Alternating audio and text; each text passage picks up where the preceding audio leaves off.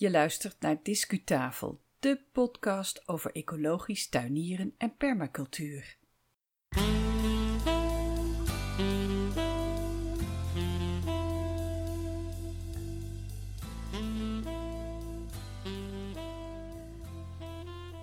Fijn dat je weer een episode hebt eh, gedownload van Discutafel podcast, de groene audio voor liefhebbers van tuin en natuur en voor ieder die aan de slag wil met een duurzame levensstijl. Dit is alweer aflevering 84 en die hebben we online gezet op 13 augustus 2020. Je hoort de stem van Yvonne Smit en in deze aflevering krijg je weer een duurzame tip van de maand voorgeschoteld. En dat is deze keer over het delen van spullen met je buren. Maar we beginnen met een gesprek met de auteurs van een aantrekkelijk boek. En dat boek dat heet Maak je eigen jungle. Dat boek is geschreven door eh, Katja Staring. Zij eh, publiceert van alles over groene onderwerpen. En door Anna Kemp. Zij ontwerpt tuinen. En zij heeft een eh, grote natuur- en theetuin. Dat heet Natuurlijk Buiten. En dat ligt in de mooie achterhoek. En aan het boek werkte ook mee de natuurillustrator en bioloog Kim Veenman.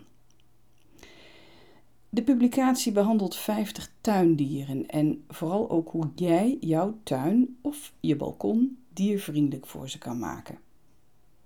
Ik ging naar de oude boerderij van Anna en sprak met haar en met Katja over het boek.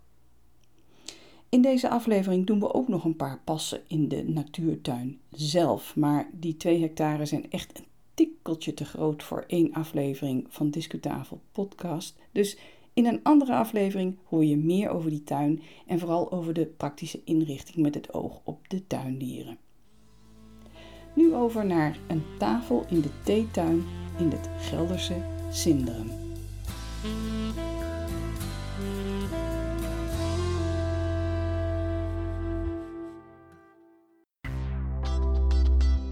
Discureportage.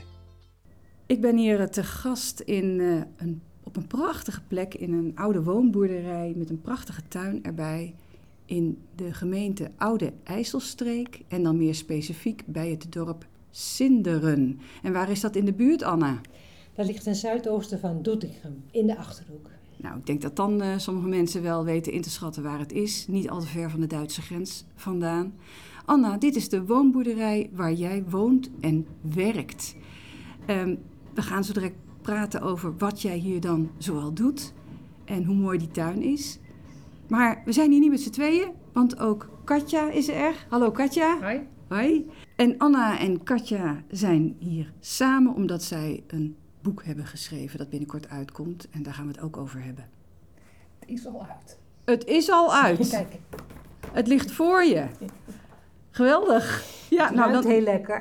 Het ruikt heel lekker. Het, het ruikt naar drukwerk. Ja. Ja. En wie ruikt dat nog tegenwoordig? Ja. Oh, ja, vond, ik nou. vond het zo lekker om, om die geur van dat boek, dat nieuwe boek zo in te ademen. Ja. Om de luisteraars van Discutafel podcast even een beeld te geven waar we te gast zijn, Anna. Kan je iets vertellen over jouw wonen en werken hier op deze mooie plek in het buitengebied van Sinderen? Ja, samen met mijn partner Aart zijn we hier in 2008 uh, eh, terechtgekomen. En toen troffen we hier een oud boerderijtje met twee hectare weiland. Hier liepen koeien. En uh, ik heb zelf een ontwerp gemaakt voor de buitenruimte, want mijn grootste wens was een grote natuurtuin aan te leggen en de rest van, de, van het weiland om te toveren tot eigenlijk uh, een plek weer waar oude landschapselementen teruggebracht werden. Dus een houtwal en een elsensingel en een boomgaard en noem maar op. En um, daar zijn we mee begonnen in 2009 en we zijn nu 11 jaar verder. En het is eigenlijk een klein paradijsje geworden. Heel veel dieren komen erop af en mensen hoor ik steeds vaker van wat een mooie plek. Uh, je komt hier tot rust, je kunt hier genieten van de vogels. En, uh, ja, hoe, hoe kan dus dat? Want uh, je zegt mensen komen hier, wat komen ze hier dan doen? Uh, nou, de Achterhoek is ook wel bekend dat er toch wel toeristen ook op afkomen. Ook mensen zelf hier uit de omgeving, die fietsen heel graag. Maar het zit ook aan een fietsroute. En dan komen ze even hier op adem komen, zeg ik wel eens. Of even opladen. Want dan uh, nemen ze even een lekker kopje koffie. Of uiteraard theeschenkerij, een lekker kopje thee. Je hebt hier een soort theetuin, hè? Ja, een natuur- en theetuin zeg ik altijd. En... Um, Dan maken ze een wandelingje door de tuin. En ik merk heel vaak dat ze zeggen: Oh ja, dit is leuk. Ook veel mensen uit Duitsland tegenwoordig weten ons te vinden. En die zeggen dan: Wonderbaar, wonderschön. Dat, dat zijn zij natuurlijk helemaal niet gewend met de aangeharkte tuintjes. En ze ervaren gewoon uh, door de kleuren, de, de kleurrijke borders die er zijn, de vlinders die ze treffen, uh, de rust die er is, dat het gewoon een hele fijne en prettige plek is om, uh, om te vertoeven. Ik kan niet wachten om dat te gaan verkennen. Ja, ja. Katja, jij bent mede-auteur van dat boek. Ja. En je bent dus ook gezellig aangeschoven in, in de theeschenkerij. Hoe heet het boek? Het boek heet Maak je eigen jungle. En dat is wat Anna hier ook gedaan heeft. Ja, dat heeft Anna hier zeker gedaan. En vandaar dat zij ook alle, eigenlijk aan alle hoofdstukken die ik heb gemaakt met alle dieren die erin staan in het boek. Er staan meer dan 50 dieren in die in ieder tuin kan treffen. En Anna die heeft eigenlijk de projecten erbij uh, aangegeven, omdat ja, zij heeft dat hier eigenlijk allemaal, uh, allemaal gerealiseerd. Welke projecten je per uh, biotoop kunt doen voor al die diertjes. Dus wat je allemaal kunt aanleggen, bouwen, zaaien. Het is dus de bedoeling dat je met je boek mensen inspireert om hun eigen tuin, zeg maar, hun eigen groene plekje diervriendelijker, natuurvriendelijker te maken. Ja, dus net zo'n jungle als Anna die hier eigenlijk in korte tijd, want het is eigenlijk maar tien jaar dat je dat uh, erover hebt gedaan. Als je ziet wat zij ervan heeft gemaakt, dan is dat in ieder tuin mogelijk. En heeft Anna die er twee, uh, twee hectare. En uh, dat heeft niet iedereen. De meeste mensen hebben misschien uh, 20 vierkante meter of uh, 50 vierkante meter. Maar ook op 50 vierkante meter kan het. En zelfs op een balkon lukt het. Waarom heb je het boek geschreven? Het is het tweede deel in de serie Avontuurlijk Tuinieren. Avontuurlijk Tuinieren kan iedereen was het basisboek. Dat heb ik met tuinontwerpster Nienke Plantenga geschreven. En dat gaat meer over hoe leg je je tuin aan en hoe kun je kijken naar je tuin. Zodat het een avontuur wordt om te tuinieren en niet een must. Dat je denkt, oh ik moet van alles. Maar dat je denkt, ik ga op ontdekking. En uh, dit boek gaat ook over avontuurlijk tuinieren, maar dan weer in op welke diertjes kom je allemaal tegen. Dus ga je op safari in eigen tuin en ja, ga je dus op avontuur op een andere manier. En ga je dus de pissenbedden in de ogen kijken en de slakken en de egels en de, en de vlinders. En ook de wesp, want we hebben het ook over dieren die mensen heel vaak een beetje eng vinden. En uh, wij proberen een, meer een monument voor die dieren op te richten en te laten zien wat ze betekenen voor een tuin. Dus als ik het goed begrijp, dan heeft ieder dier eigenlijk wel één of twee pagina's in het boek. Ja. En, en belicht je, de, de, de, je bent helemaal gefascineerd door zo'n dier.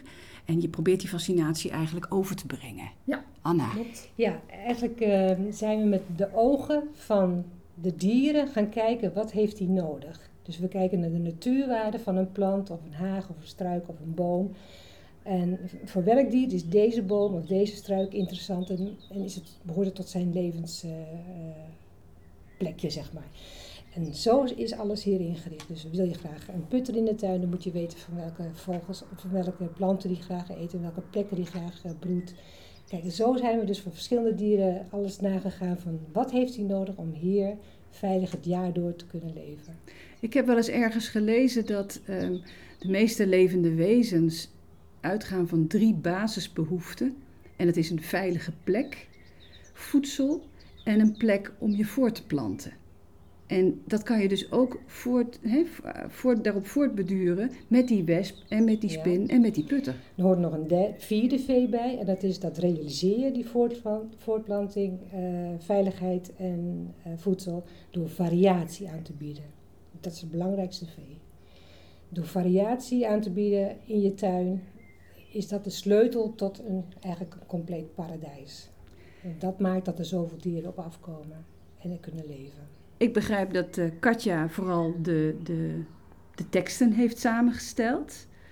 Um, ik begrijp dat er een illustratrice is die de prachtige, echt prachtige tekeningen heeft gemaakt. Waardoor het een boek is om van te smullen. Ik heb het ook inmiddels door mogen kijken. En wat is jouw rol geweest bij het uh, samenstellen van het boek, Anna? Ja, vooral de, de praktische tips van uh, wat kun je doen voor het specifieke dier uh, in je tuin om hem een veilige plek te geven de plantenlijsten die er genoemd worden en uh, ja, hoe je iets bijvoorbeeld uh, realiseert. Een, een, een, groen dakje voor, met sedum of zo. Of ja, waar hang je de, de, de nestkastjes op in je tuin. En allerlei praktische tips die worden uitgelicht en beschreven om, om iets heel stap voor stap te realiseren. Waar is het boekje verkrijgbaar? Overal. bij je lokale boekhandel, online. En wat voor een bedrag eh, kost het? 24,95. Nou, dat is eh, een heel mooi bedrag voor een dosis inspiratie en plezier. Ik denk dat als mensen er in de winter met uh, sneeuw buiten en zo lekker bij de kachel doorheen bladeren, dat ze volop plannen kunnen maken voor projecten in, in het komende jaar in hun tuin. Zullen we eens gaan kijken hoe je het in de praktijk hebt gebracht? Helemaal goed. Ja.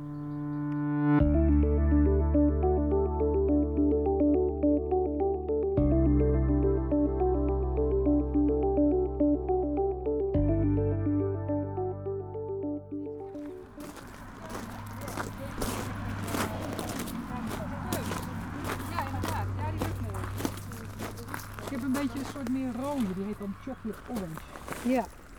Maar hier, hij doet het hier vanzelf. Ja, gaat Daar goed zeg. Ja, ik daar ook al, ja. Hij, is, eh, hij heeft niet naar zijn zin. Ja, en daar moet ik gewoon naar kijken, want ik heb hier van alles in de tuin gehad en doet het niet.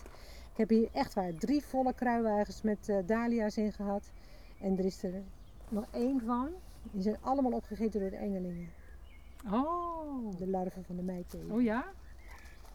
We hadden hier, ik heb 1500 bolletjes in het gras gedaan, voorjaarsbolletjes. Nou, er staat nog een handje in de Engeling is toch van de langpootmug? Nee, Nee, dat is de, dat Dat is is de eenmeld. e-meld. Oh ja. Ja. Oh, God, ja. En Ja. de, Gaat in het boek. Ja, en ik verhaal dat door elkaar. ja, Ja.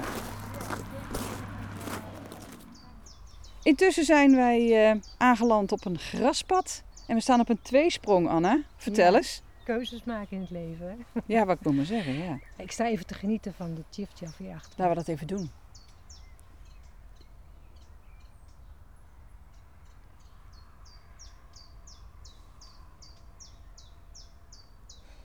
Die is hier nu naartoe gekomen. Eigenlijk, en nog veel meer vogels hoor, omdat het hier zo'n eh, mooi plekje is geworden. En eh, het neemt nog elk jaar toe, het aantal vogels. Zowel in soorten als in aantallen. En dat is het leuke van die tuin. En dat komt gewoon omdat we hier zoveel eh, variatie hebben aangebracht. Maar als je hier op dit punt ook kijkt, om je heen kijkt, er is water waar vogels dus kunnen komen drinken, waar ze een bad kunnen nemen. Waar we staan is kort gras, hè, de looppaden. Nou, je ziet heel vaak juist de merels en de lijsters hier even naartoe komen om de wormen uit de grond te halen. Er zijn stroken met eh, bloemen. Verderop wordt het nog wat bloemrijker. Waar eh, de, de insecten allemaal op kunnen vliegen. Waar later dan de insectenetende vogels ook weer van kunnen eh, genieten. De bloemen die vormen straks zaden. Ook de zaadetende vogels profiteren ervan. En allerlei verschillende soorten struiken. Komen straks nog veel meer tegen. Die allemaal besjes dragen. Je ziet ook allemaal, alle soorten staan al door elkaar. We hebben niets op een rij gezet, geen clusters gemaakt. Alles gevarieerd aangebracht. Er zijn verschillende hagen hier al te zien omheen gebracht. Hè, voor de veilige plek om in te broeden. Waar ze zich eh, eh, even kunnen schuilen als de sperwe erop afkomt. Of waar ze straks ook weer voedsel kunnen vinden. En er zijn allerlei klimplanten. We liepen net al onder een boog door met klimplanten. En er zijn verschillende bomen die allemaal zorgen voor fruit of ander lekkers voor de vogels. Dus op één plek kijk je eigenlijk al rond naar heel veel verschillende elementen in de tuin die mee kunnen tellen om meer vogels eh, in je tuin en meer dieren in je tuin te lokken. Wat mij ook opvalt is dat de variatie niet alleen in de soorten is, maar ook in hoogte. En dat, dat is nu, we zijn ruim tien jaar verder naar het begin van de aanplant. Je ziet gewoon welke bomen het op welke plaats ook heel erg naar zijn zin hebben. Deze acacia, die staat er, daar staat een tamme kastanje. Hetzelfde moment geplant, zelfde maat. Nou, deze acacia veel beter naar zijn zin dan die eh, tamme kastanje. Maar goed, jaren la- later. Dat is ook het mooie van het geheel. En de struiken die zijn al een keer weer teruggezet op kniehoogte. Dus dat is alweer de nieuwe uitgroei ervan. Ehm, nou en de, de graspaden die maaien we dan eh, wekelijks, maar die stroken daarnaast die maaien we eh, op het moment dat het nodig is dat er gemaaid moet worden. Bijvoorbeeld omdat de grassen te veel in, in eh, zaad komen, dan wordt het gemaaid om te voorkomen dat het allemaal gras wordt hier. We willen juist die bloemen de, de kans geven om zich te ontwikkelen. En dan, ja, dan krijg je vanzelf ook gevarieerde plekken in je tuin. Hoe zou je dat vertalen naar de gemiddelde stadstuin? Dit beleid? Dit beleid, ja, dat je dus eh, in een klein stadstuintje ook al uh, kunt denken aan water. Dat hoeft niet zo'n grote vijver te zijn als hier, maar dat kan je terugbrengen op een niveau, misschien zelfs met een waterschaal alleen al, een balkon. Uh, dus water is een heel, heel belangrijk element in je tuin. Zeker met die warme dagen die wij hier in Nederland tegenwoordig kennen. Nou, een graspad zal misschien niet voor iedereen handig zijn. Maar in ieder geval, je kunt wel gras maken dat je daar gewoon stapstenen in maakt. Dat er toch een groen tapijt is in je, in je tuin. En verschillende borden. Ja, ik hou wel van afwisseling. Ik hou niet van één groot vak, maar juist een plukje hier en een gedeelte daar. Inzaaien of met vaste planten uh, aanbrengen. En dan, ja, als het even kan, afsluiten de zijkanten met een, uh, met een mooie haag. En dan, uh, misschien kan er wel een appelboom in, of misschien kan er wel een, een, een meidoorn die je door laat groeien in een grotere vorm kan er plaats krijgen. Het hoeft geen grote boom te zijn, maar het geeft vaak wel het niveau, niveauverschil in de tuin aan waar je aan kan denken. Katja denkt ook aan iets. Ja, ik wilde zeggen dat in ons boek hebben we de lagen ook benoemd. Dus we gaan uh, van inderdaad, we hebben een heel hoofdstuk over water, we hebben een hoofdstuk over gras. En we, hè, de jungle gazon noemen we dat natuurlijk. En uh, zo gaan we dus ook alle lagen door. Inderdaad, van boom tot plant tot uh, struik. En ja, daarin hebben we, hebben we dan dus ook heel specifiek alweer die projectjes. Het komt ook heel dicht bij de natuur zelf, hè, die ook niet uh, eendimensionaal is. Die als je aan de, aan de bosrand kijkt, dan zie je ook een, een opbouw van de laagste planten naar de hoogste boom. En um, ik denk dat het de kunst is om met de, met de middelen die je hebt en, en, en het terrein wat je hebt, ja. om, om, om daar zo dicht mogelijk die, die principes te benaderen. Ja. Nou ja, goed, bij de borders waar we straks komen, zie je die opbouw ook. Hè. De kleine, laagste planten staan vooraan. Hoe verder in je achtergaat, dan bouw je het op en dan staan de hoge planten achterin. Daar kun je ook een klein beetje mee wisselen. Soms gewoon eens even iets toch naar voren halen. Om juist ook die differentiatie in, in hoogte en, en zo die verschillen aan te geven. Nou, nou, nou weet jij dit niet zomaar allemaal, Anna. Want volgens mij is, is tuinontwerp ook jouw vak. Ja. Ja. ja. Want de menige luisteraar die zal denken, nou hoe kan ik dat zelf allemaal bedenken? Maar je hebt wat meer achtergrond daarin. Ja, ja, ja. Nou, sowieso ben ik in het groen uh, opgegroeid. Mijn vader en moeder hadden een klein boerderijtje in, in Breukelen. Ik was altijd buiten, ik was altijd een buitenkind.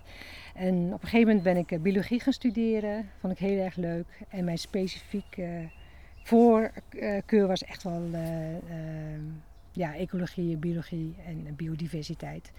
En later ben ik nog weer een studie gaan volgen, tuin- en landschapinrichting, Larenstein en Velp. En daar heb ik het ook leren ontwerpen. Wat, wat maakt dat je dat juist zo fascineerde? Ja, de, de, de, de, dierenwereld, de vogels. Ik werkte ook bij vogelbescherming, dus dat krijg ik ook van alle kanten mee. En dan was ik nu veel op kantoor, maar ik denk van ik wil gewoon veel meer voor die vogels buiten doen. En dat kunnen wij zelf doen, door al te beginnen thuis met je eigen tuin daarop in te richten. En die stappen, dus die opleiding heb ik echt uh, zo ge, uh, ja, zo, zo ben ik er ook ingestapt. Ik wil dus alles leren van hoe kun je dat zo maken dat er gewoon veel meer dieren in je tuin komen. Nou, dat is hier een voorbeeld van. En dat maak ik ook heel graag voor mensen die dat thuis zijn. Je wil het maken, maar je wil het ook, um, volgens mij wil je het ook overbrengen dat het kan en dat het leuk is. Ja, dat zeker is dat heel erg leuk. Ik bedoel, als ik hier, welk moment van het jaar ik ook hier rondloop, het verrast elke keer wat je tegenkomt. Het is, het is geen dierentuin waar je van zegt van nou, als ik hier loop, dan zie ik een olifant en dan zie ik een giraf. Nee, het verrast altijd weer. Ik liep niet hier achter door de houtwal, geritsel, springt er een ree weg. Nou ja, dat kan hier omdat het natuurlijk zo groot is en de hond die kijkt me aan van, hoor jij dat ook? Maar in jouw tuin kan ineens een vogel zitten waarvan je denkt van, mm, zo'n mooi vogeltje, heb ik nog nooit Ik heb een keer in mijn eigen stadstuin een bunzing gehad. Nou, Over avontuur gesproken, Katja. Want daar ben jij van. Ik ga elke dag op avontuur in de tuin. En dat kan echt in alle tuinen. Dus uh, zelfs uh, overal waar ik ben. Ik heb dus altijd mijn uh, smartphone camera bij me. Want ik plaats elke dag een natuurfoto op Instagram. En ik ben dus eigenlijk altijd op zoek naar de magie van de natuur voor die foto's. Dus ik zet niet zomaar een bloem op de foto, maar er moet iets gebeuren. En dan kom ik altijd weer uit bij een beestje. En dan zit er altijd een beestje waarvan ik denk, nooit eerder gezien. Ja. En dan ga ik uitzoeken en dan ga ik in de Facebookgroep vragen, wat is dit? En inmiddels weet ik zelf meer. Ja. Weet ik waar ik op moet zoeken. Weet ik wat, hoe een boktor er ongeveer uitziet. Dus kan ik zien, oh dat is een boktor, ga ik even verder zoeken. Welke boktor hebben we dan? En zo leer je ook heel veel. En ik vind het zo leuk. Ja, ik, elke dag zie ik weer een nieuw beest. Ik heb nu vandaag alweer allerlei beestjes op de, op de gevoelige plaat. We gaan verder kijken. Ja, ja. kom je vast wel weer wat tegen. Ja.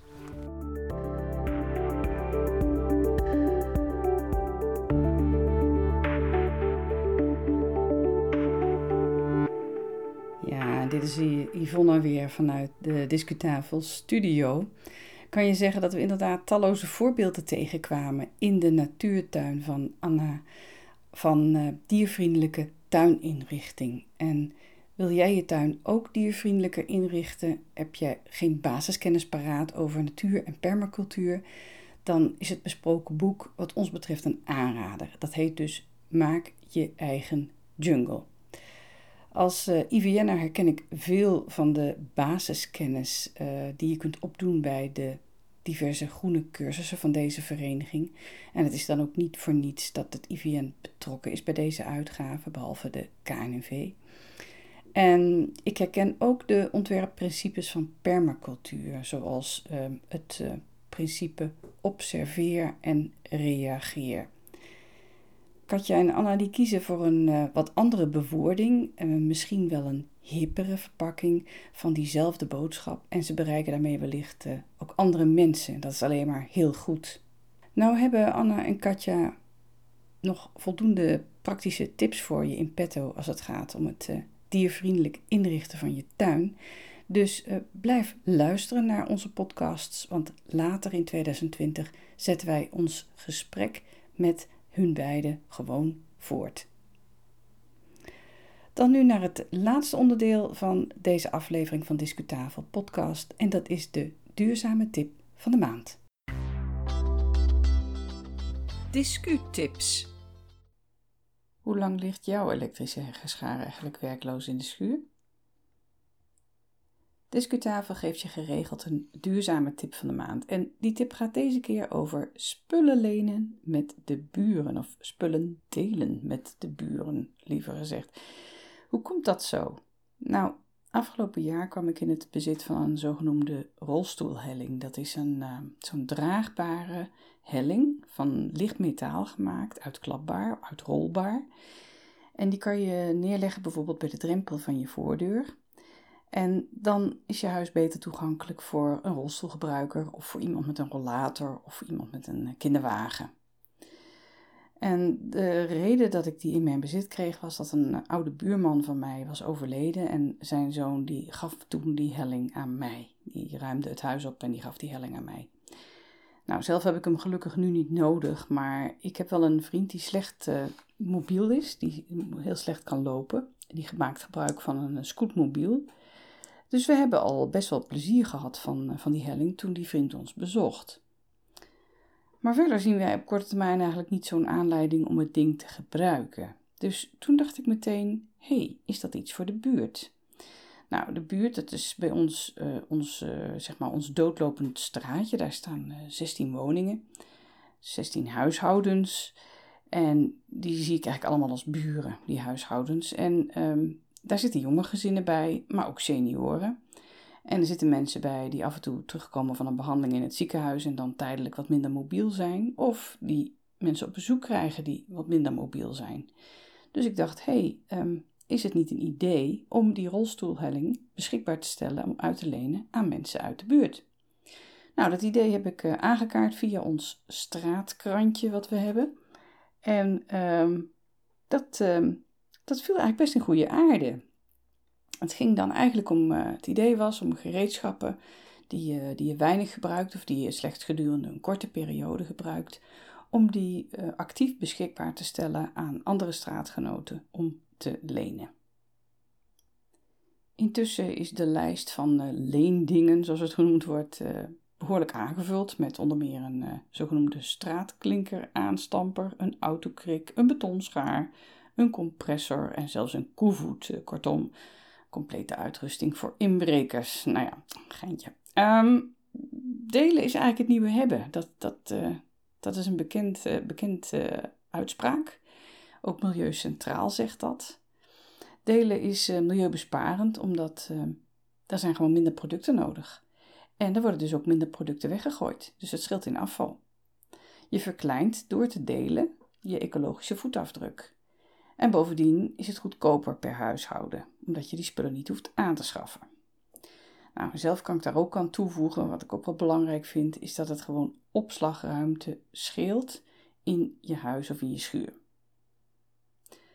Nou, het idee om uh, spullen onderling uh, aan elkaar te lenen is niet nieuw natuurlijk, maar internet heeft het wel veel gemakkelijker gemaakt om te ruilen of te lenen, om elkaar te vinden.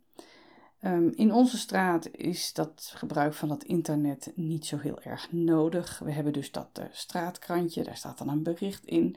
En we hebben een appgroep met alle bewoners. Maar er zijn ook diverse grotere online platforms waar vragers en aanbieders elkaar kunnen bereiken. Er zitten ook trouwens betaalde opties bij, dus platforms waar je je spullen kunt huren. Um, in de show notes van deze uh, aflevering van Discutafel podcast staat ook een link naar meer informatie over deze platforms, zoals die uh, door Milieucentraal is verzameld. Zelf vind ik het prettiger om spullen te delen met gesloten beurzen en met mensen die ik ken. En daarmee kom ik eigenlijk meteen op een volgend voordeel dat ik belangrijk vind als het gaat om delen met de buren. Dat versterkt de onderlinge betrokkenheid. Soms uh, zien we elkaar maanden niet, bijvoorbeeld in de winter met slecht weer. En uh, dan is zo'n leenafspraak uh, toch een mooie aanleiding om even bij de ander aan te bellen. Natuurlijk bestaat er een kans dat je een vervelende ervaring opdoet wanneer iemand wat minder zorgvuldig omgaat met jouw eigendom. Maar dat lijkt mij een heel klein risico en dat weegt echt niet op tegen de voordelen. Dus ligt daar die heggenschaar van jou stilletjes in je schuur te liggen? En heb je misschien net nieuwe overburen die voor het eerst de weelde van een eigen tuin mogen ervaren? Bied dan eens actief die heggenschaar aan om te lenen. Of misschien sta je zelf voor de aanschaf van zo'n artikel dat je heel weinig nodig hebt of heel kort nodig hebt. En vraag je dan af: heb ik dat echt nodig dat ik dat zelf in bezit heb? Of kan ik dat op een andere manier oplossen? En als dat tweede het geval is, probeer het dan eens te lenen bij bekenden. En zwengel het idee aan om als straat of als buurt een deelproject op te zetten, zeg maar. Heb jij zelf ervaringen met delen met de buren of tips? Dan hoort Discutafel die heel graag. Discuslot. Nou, we zijn alweer rond. Dankjewel voor het luisteren naar Discutafel, jouw groene audio bij uitstek. Ga voor meer informatie naar discutafel.nl of lees onze nieuwsbrief Discupost. We zijn ook actief op Twitter. Laat elkaar ook daar eens een keer ontmoeten. Verwacht niet al te veel van ons op Facebook en Instagram. We hebben gewoonweg geen tijd om al die socials echt goed te doen. Dus we houden het vooral bij Twitter. Grasduin is door al die andere 83 podcastafleveringen alweer, jeetje, jeetje, wat schiet het op. Want de meeste van die afleveringen zijn lang houdbaar. De terugluisterwaarde, zogezegd, is best goed. We nemen nu even vakantie en we brengen de volgende Discutafel podcast uit op 10 september 2020. Ga intussen lekker naar buiten. Graag tot de volgende keer.